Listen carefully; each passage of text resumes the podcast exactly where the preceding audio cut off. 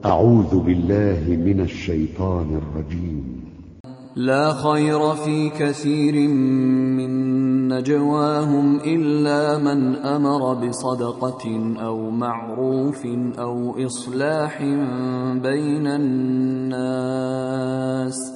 ومن يفعل ذلك ابتغاء مرضات الله فسوف نؤتيه أجرا عظيما. ومن يشاقق الرسول من بعد ما تبين له الهدى ويتبع غير سبيل المؤمنين ويتبع غير سبيل المؤمنين نوله ما تولى ونصله جهنم وساءت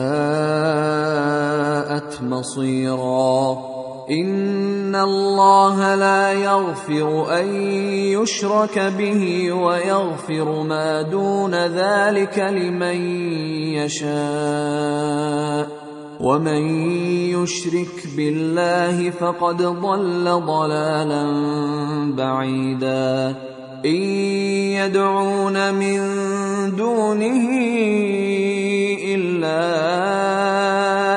اناثا وإن يدعون إلا وإن يدعون إلا شيطانا مريدا. لعنه الله.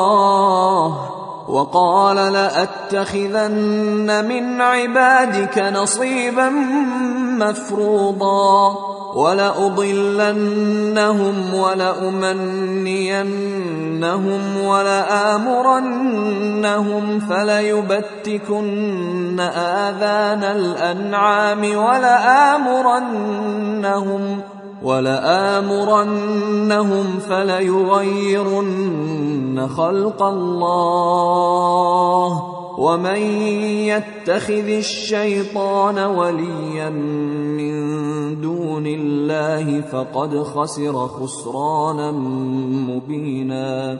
يعدهم ويمنيهم وما يعدهم الشيطان إلا غرورا.